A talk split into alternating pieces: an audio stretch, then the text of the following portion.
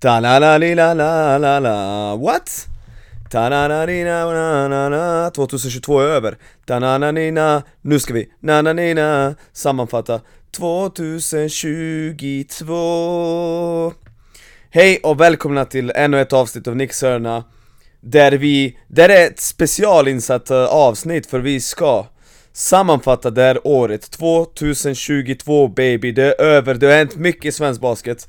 Väldigt mycket, för mycket! Alltså när jag försökte göra en lista så insåg jag att det finns många saker jag inte hinner prata om eh, för att uh, det har hänt en del helt enkelt.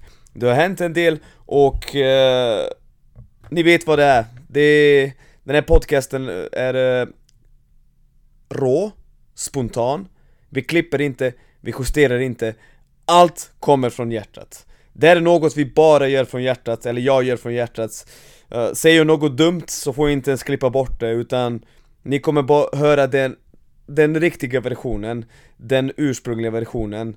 Uh, Och let's get it baby, let's get it baby så att säga. Tanana nina na na na what?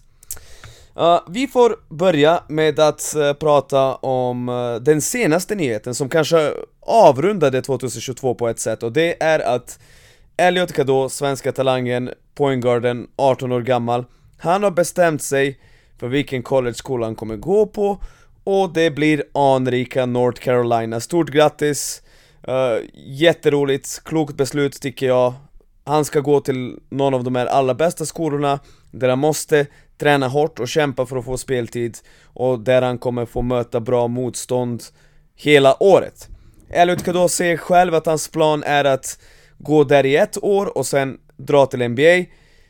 Vi får se hur det kommer bli. Sanningen är den att han redan nu är 18, i september fyller han 19, men han har ett år kvar ett år kvar på high school att gå ändå. Men i USA är det lite speciellt för du kan faktiskt reclassify, alltså plugga upp dina betyg som du skulle gjort i eh, sista året på high school och så kan du börja college ett år tidigare. Och jag skulle personligen vilja se honom börja redan till sommaren för det är väldigt uppenbart att han är för bra för den nivån han befinner sig på just nu. Hans high school ligger nummer ett i hela landet, visst han har ett bra lag kring sig Men dominerar och gör det jättebra. Och då tycker jag att ett år till i high school skulle nästan bara vara onödigt, han behöver gå till en högre nivå, även fast om han sitter på bänken första året så kommer han få lira andra året. Hans plan är att gå direkt till NBA efter ett år, jag tror det blir väldigt svårt, framförallt om man drar dit nu eh, direkt i sommaren. För att sanningen är den att Elliot Kado är enligt mig den största talangen Sverige någonsin haft. Jag vet att många inte håller med mig, pratar om uh, uh, Rudy Bemba, Jeff Taylor uh, främst. Men jag tycker att han är det med tanke på vilken spelförståelse han har, med tanke på vilken atle atletisk förmåga han har och med tanke hur han fortsätter och fortsätter utvecklas så tycker jag att han är den största talangen. Men hur som helst, min stora fråga här är Nu vet Elliot Kado att han är committed, han kommer spela på North Carolina. Vi här i Sverige vill se honom spela i landslaget.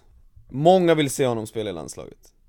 Jag skulle väl nästan vilja säga att alla som bryr sig om svensk basket på något sätt vill se honom göra minuter för landslaget. Och jag har tänkt så här. Sverige kommer att spela match mot Estland i Malmö i februari Elliot Kados mamma kommer från Malmö, det är alltså hans stad här i Sverige. Och jag tycker verkligen att det hade varit mer än underbart att se honom bara hoppa in och göra 5-10 minuter. Det skulle göra under för svensk basket, lyssna. Jag ska förklara hur. Jag har faktiskt märkt, jag, alltså jag har ägnat mitt liv åt svensk basket och basket överlag Men jag vet hur snacket går kring svensk basket. Och nu har vi sett Sveriges herrar göra helt, göra helt okej okay från sig. Till och med bra, kan vi konstatera.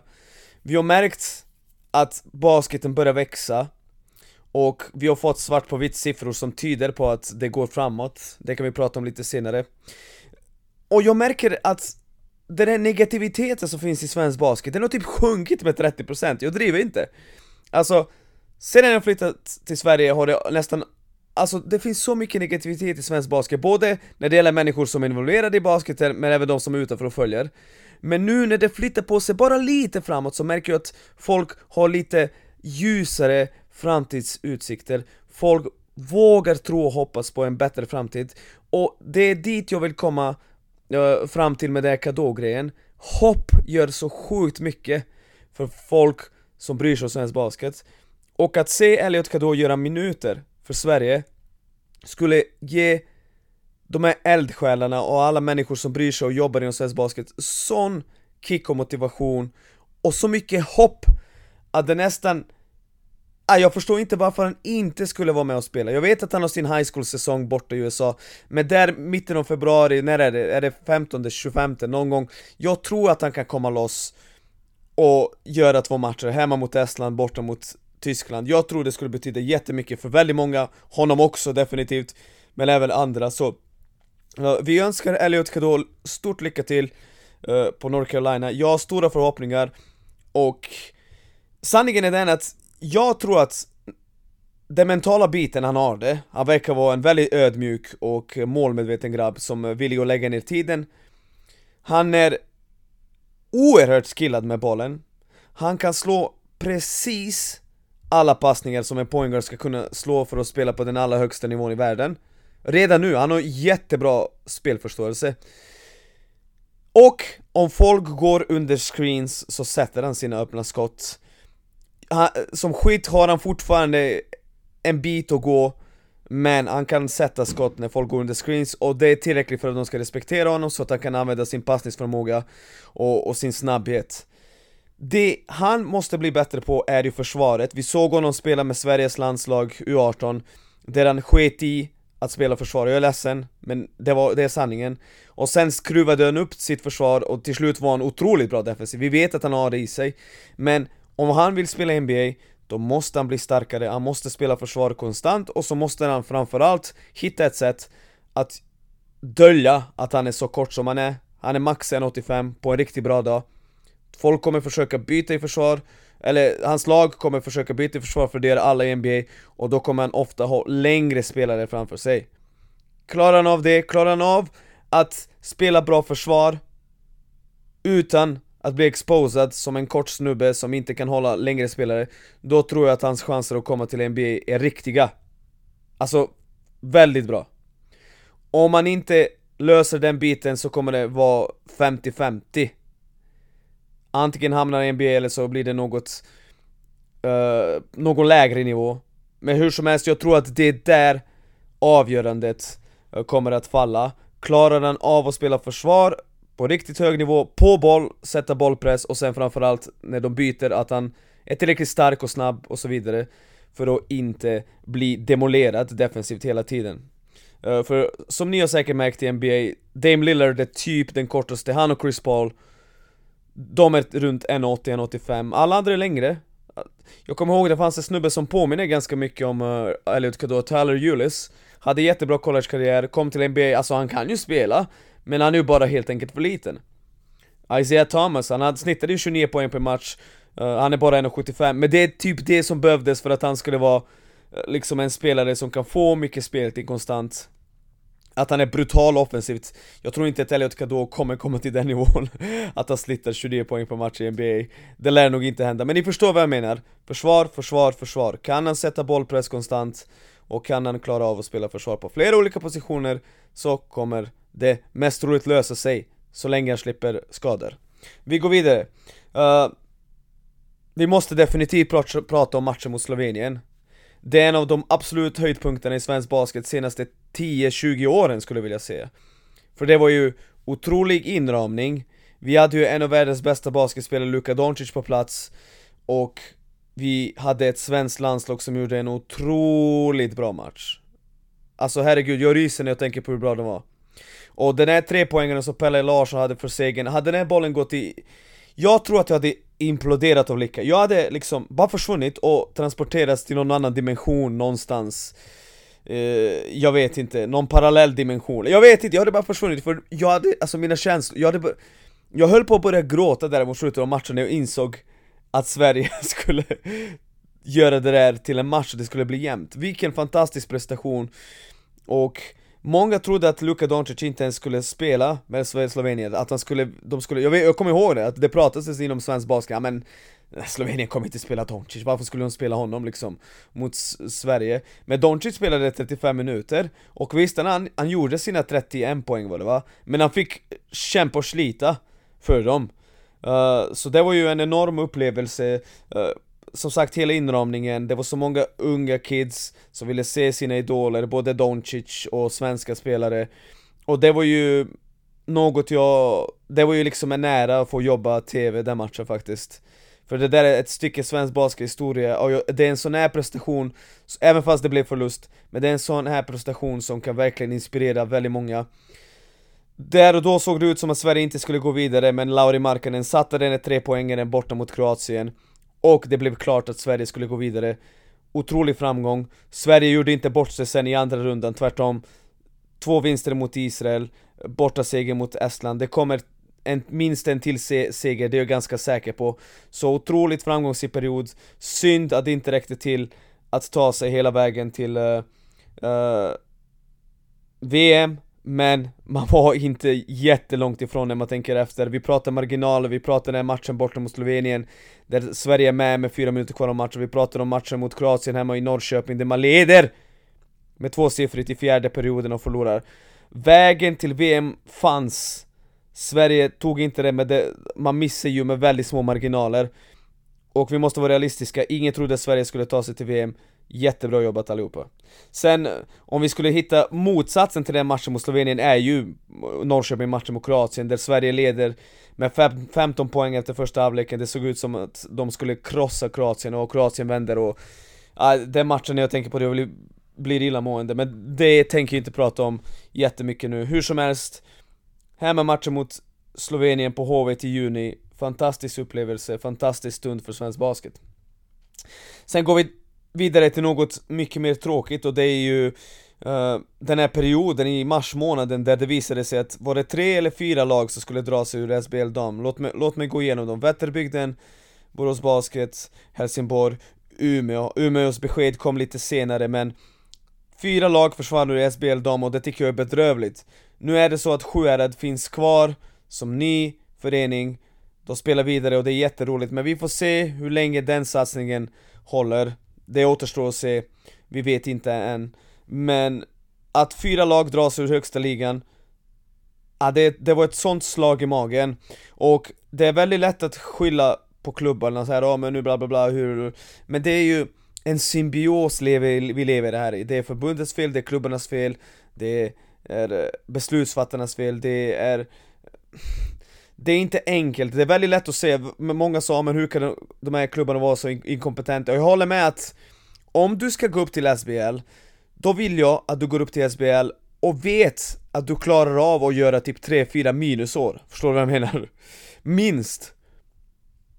Du ska tänka på sämsta möjliga scenariot när du går upp Och tänker du så här, vi klarar inte av att hålla oss ovanför vattenytan med minusresultat och, och, och få intäkter och, och, få sponsorer, gå inte upp! Gå inte upp, vänta, bygg upp din organisation i ettan SBL, dam och herr kommer vänta där på dig i 10-15 år, det, det, finns inget Alltså jo, på pappret finns det det där, ja men man måste komma ett eller två, bla bla bla Men sanningen är den att om du visar att du vill gå upp till högsta ligan Så kommer förbundet att låta dig göra det Okej? Okay? Så det här tycker jag var väldigt tråkigt eh, och eh, det var någon lyssnare till vår podd som skickade in till oss att genomsnittet, alltså publiksiffrorna, inte den senaste omgången utan omgången innan i SBL de var typ 125 pers eller 150 Och det är på tok för dåliga siffror, vi glömde diskutera det i bänkvärmarna Men 150, det är ju insane dåligt. Det finns ju division 2-serier Länghem i division 3 hade typ 150 i snitt Herrarna För typ två år sedan. Länghem, det är en liten håla på typ 20 pers Mellan Ulricehamn och Borås. De hade liksom över 100 pers per match. Jag kan tänka mig att det finns jättemånga klubbar, både på dam och herrsidan Som vanlig division 2 match eller division 1 match kan få upp över 100 Hur kan det vara så att på högsta nivån om det inte är Luleå som har en hemmamatch då blir siffrorna katastrofala. När jag pratar om Sjuhärad, om de kan överleva, det finns så många fantastiska människor som gör ett sånt grov, alltså otroligt jobb. Men när jag kommer dit, ibland är det typ 100-150 pers. Och vem spelar man för då? Jättebra att det finns en damsatsning, jag älskar det. Jag tycker att SBL dam, kanske, det det är faktiskt sämre än förra året måste jag säga. Men det är fortfarande en bra liga. Det ska vara minst 300-400 pers, minst, tycker jag. Och det, jag menar inte bara Sjuhärad, utan alla lag. Klubbarna måste göra bättre jobb, alla vi måste göra bättre jobb. Coacherna i ungdomsnivån måste göra bättre jobb, få fram bättre spelare, jag vet inte. Hade jag haft svar på de här frågorna hade jag gett uh, eh, facit till klubbarna och förbundet. Men jag har inte det. Hur som helst, väldigt tråkigt. Sen går vi vidare till något positivt igen.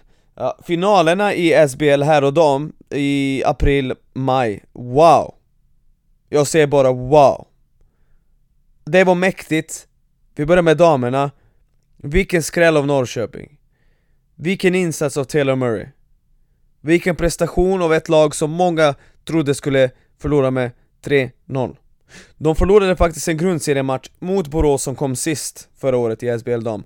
Och där och då var det nog ingen som tänkte aha, med det här laget kan vinna guld Men jag tycker också att hela den serien och hela, de, hela den inramningen var fantastisk liksom. Jag, jag var väldigt hoppfull efter finalerna där i våras, uh, både dam och herr. Uh, eh, jag tycker att, om vi börjar med damfinalen då, Taylor Murray, Brooke McCarty Williams, uh, eh, Kate Oliver, uh, Goss Nyström, Westerberg, alla de här profilerna Akira Johnson hette hon va, som kom från bänken från Norrköping.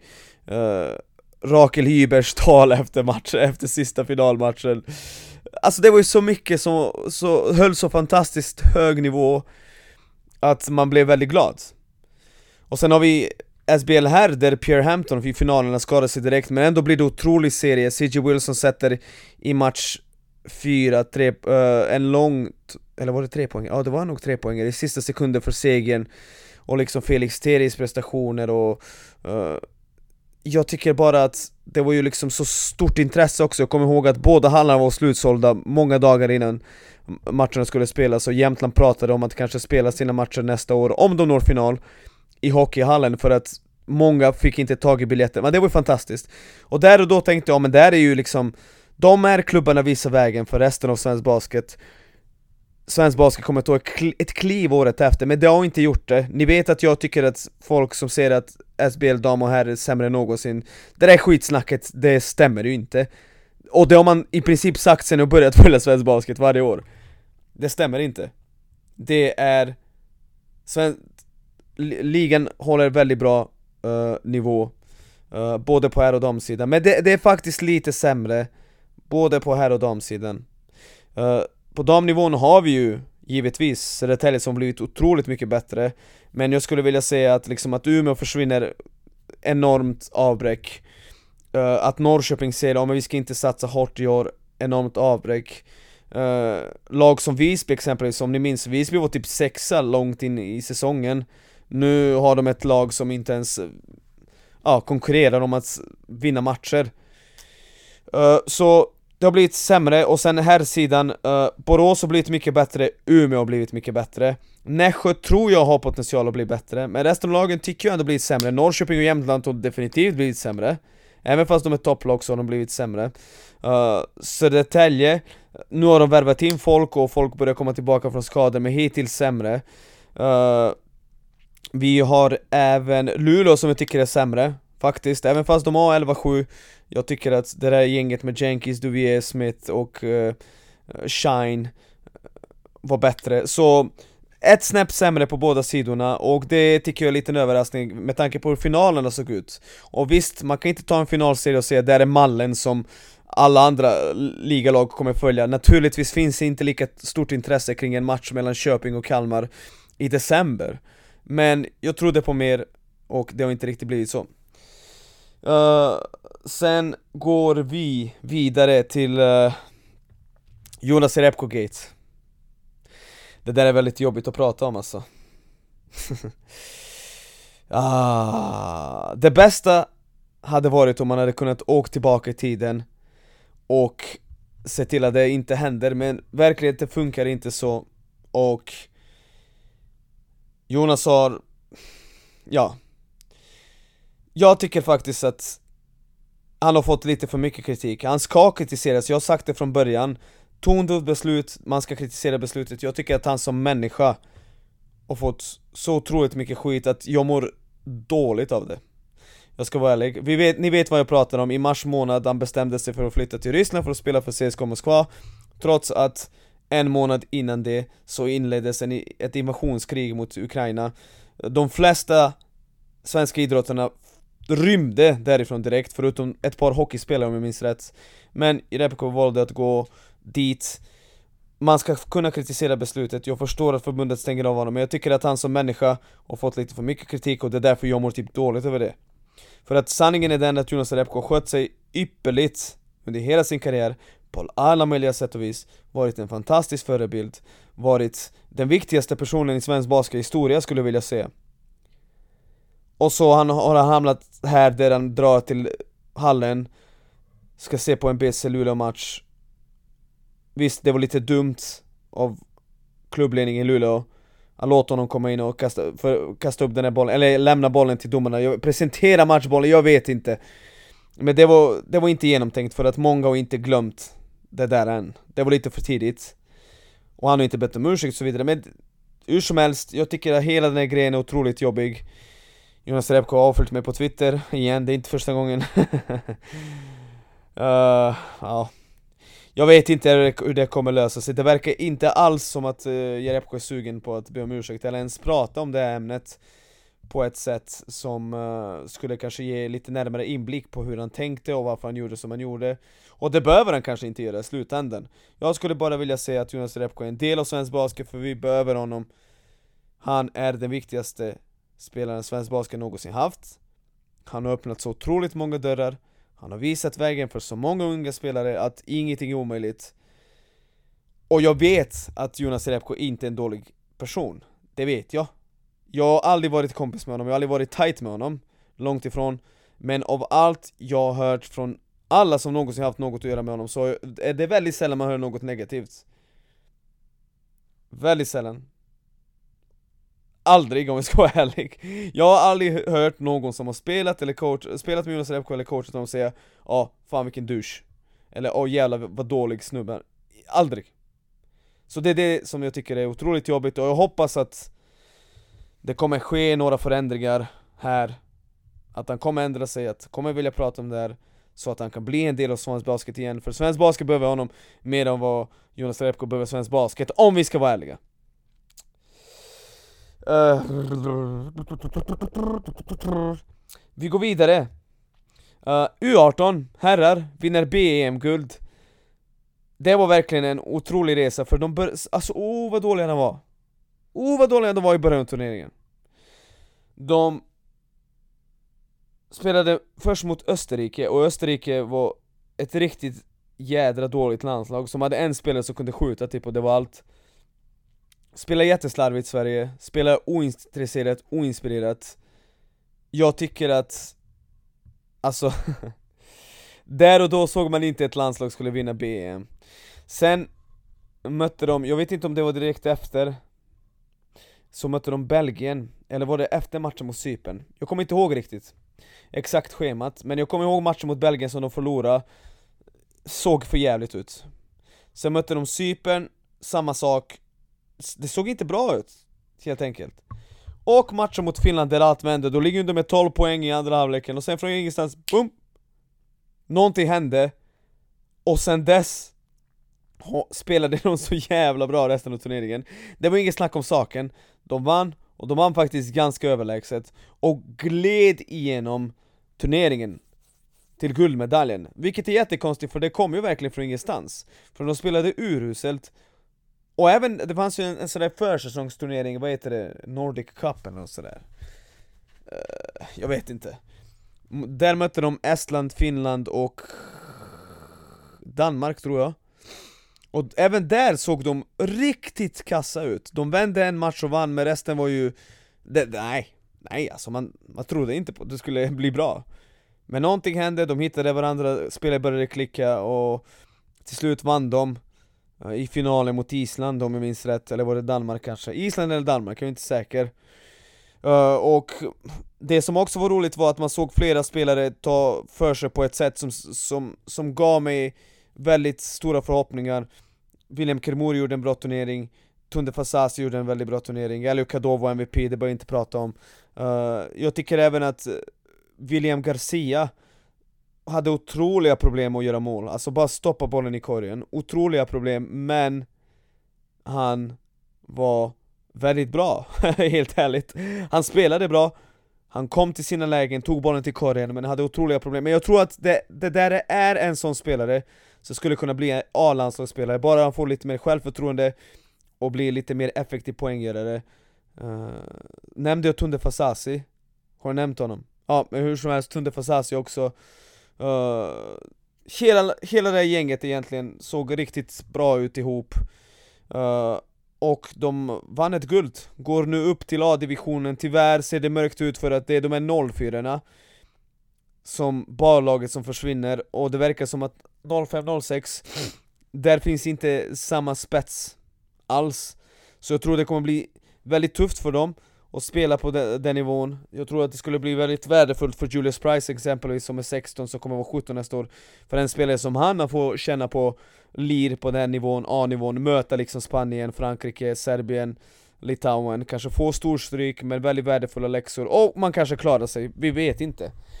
Men eh, Skulle Sverige sätta ihop ett U20-landslag som kommer nu med Bobby Klintman och Elliot Kadot och William Berg och Tunde Fasasi, då skulle det kanske kunna vara det bästa U20-landslaget no någonsin.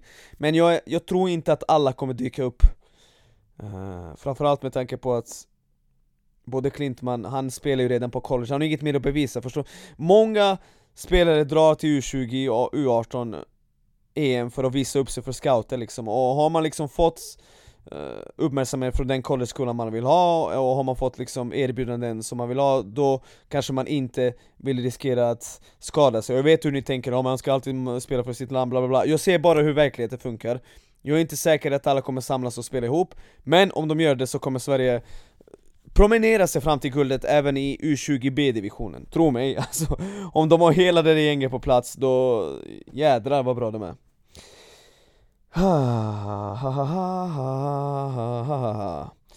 vi går vidare. Uh, nu i slutet av året kom det ut uh, ett pressmeddelande från förbundet där man pratar om att uh, antal spelare har ökat, börjat närma sig 50 000 om jag minns rätt. Målet var ju... Ja, nu har jag glömt vad som står där, vänta jag ska försöka hitta mejlet.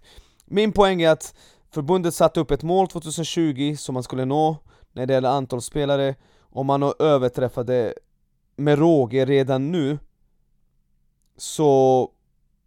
Eh, just det. Målet var 42 000 licensierade spelare 2025 Det där sätter man upp 2020 eller 2021, jag tror det var 2020 Och redan nu är det 48 000 Så man har tre år i förväg överträffat med ganska stora siffror. Och alla vi som, är, som följer svensk basket och snackar med ungdomstränare och ungdomsledare vet att i nästan alla klubbar i stora städer, säkert i mindre städer också, men i alla klubbar så är det enorma köer. Det är otroligt många barn som inte ens får plats i de här basketlagen för att det finns inte helt enkelt. Det finns inte halvtider, tränare och så vidare. Jag vet att Borås Basket har något ungdomslag där man skulle kunna ha typ två eller tre lag. Tre lag var det, fick jag höra. Pojkar till eller något så, jag vet inte. Men ni förstår vad jag menar, så det är 48 000 licensierade Men Egentligen skulle jag gissa det, det är mellan 50 och 60 000 Vilket är otroligt ökning. För det var inte så länge sedan det var 29 000 licensierade spelare i Sverige. Så snart har vi dubblat det där. Och nya målet är 50 000 spelare 2025 och det kommer naturligtvis överträffas. Uh, på de här två, tre åren som är kvar Och då är frågan Vad gör svensk basket av det här? Vi har redan pratat om det där i bänkvärmarna massa gånger Här och nu har Sverige sin chans att slå till Här och nu har basketen i det här landet chansen att etablera sig och kanske till och med komma till samma nivå på handboll, gå förbi handboll, faktiskt. Göra en resa där man är klart före innebandy och de här sporterna. För hockey och fotboll, dit kommer vi inte. Inte på 50-100 år.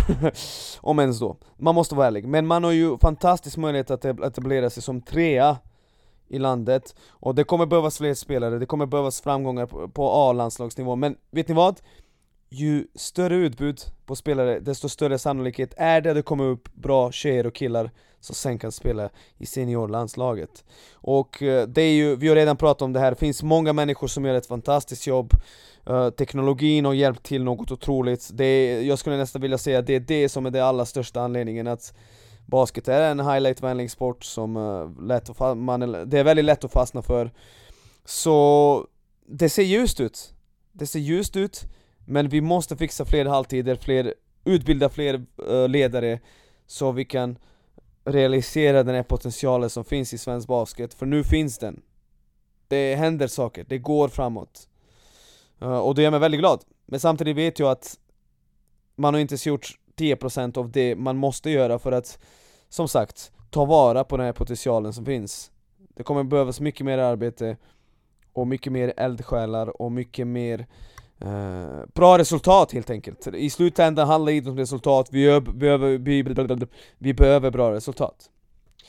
Uh, vi går vidare till uh, sista, sista saker som jag vill ta upp nu när vi summerar året och det är ju systern Eldebrink och Lolo Halversson som kommer tillbaka till Södertälje. Det är ju enormt för svensk basket givetvis, för det riktar rampljuset på SBL Dam på ett helt annat sätt, även fast som sagt ligan är lite sämre än förra året, kvalitetsmässigt, så riktar den rampljuset på ett annat sätt, och jag älskar att det finns enorma för förväntningar på Södertälje, och jag älskar att Luleå ser på vad som händer i Södertälje och tänker nej, vi ska också kunna slåss om det där guldet. De har värvat in Marin Cracker som, från Östersund, kanske min favoritspelare förra säsongen, och jag ska säga så här. Det gänget Luleå har nu ett av de mest talangfulla, en av de mest talangfulla trupperna i svensk basket jag sett. Talangfulla, jag säger inte bästa. Talangfulla för den bredden de har, den spetsen de har, den rutinen de har. De kan absolut vinna allt, och Södertälje med sitt kortväxta lag behöver värva. De behöver värva för att om det ser ut så här så kommer inte Södertälje vinna. Jag bryr mig inte om att de har systern Eldebrink. Jag bryr mig inte om att de klarar Eld, eh, Klara Lundqvist. De måste ju värva i alla fall en till spelare och jag säger så här, lyssna på mig. Jag tror fortfarande på Södertälje. I längden tror jag de kommer lösa det. Jag kommer raka av mitt hår. Jag säger det här och nu. Jag rakar av mitt hår, låt mig ha kvar några millimeter, typ 3, 4 Men jag kommer raka av mitt hår om Södertälje inte vinner guld. Så mycket tror jag på dem. Så mycket tror jag på dem. Men samtidigt, Luleå på pappret har mer talang just nu.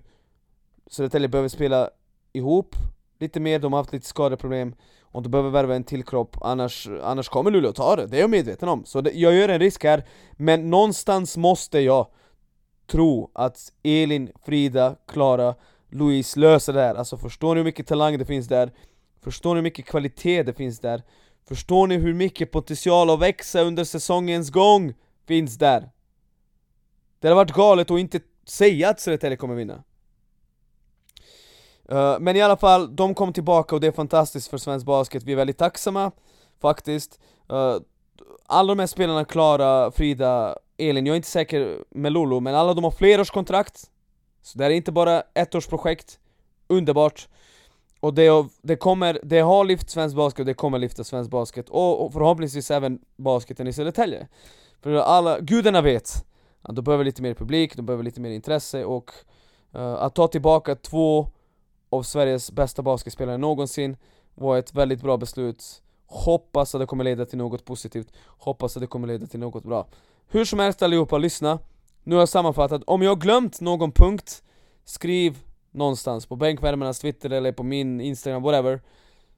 Uh, För det känns som att jag har tagit de här allra viktigaste punkterna Men det känns som att jag har glömt något. Det har jag gjort säkert. Hur som helst, ha det bra och glöm inte Bänken ljuger aldrig. Lyssna på bänkvärmarna. What? What?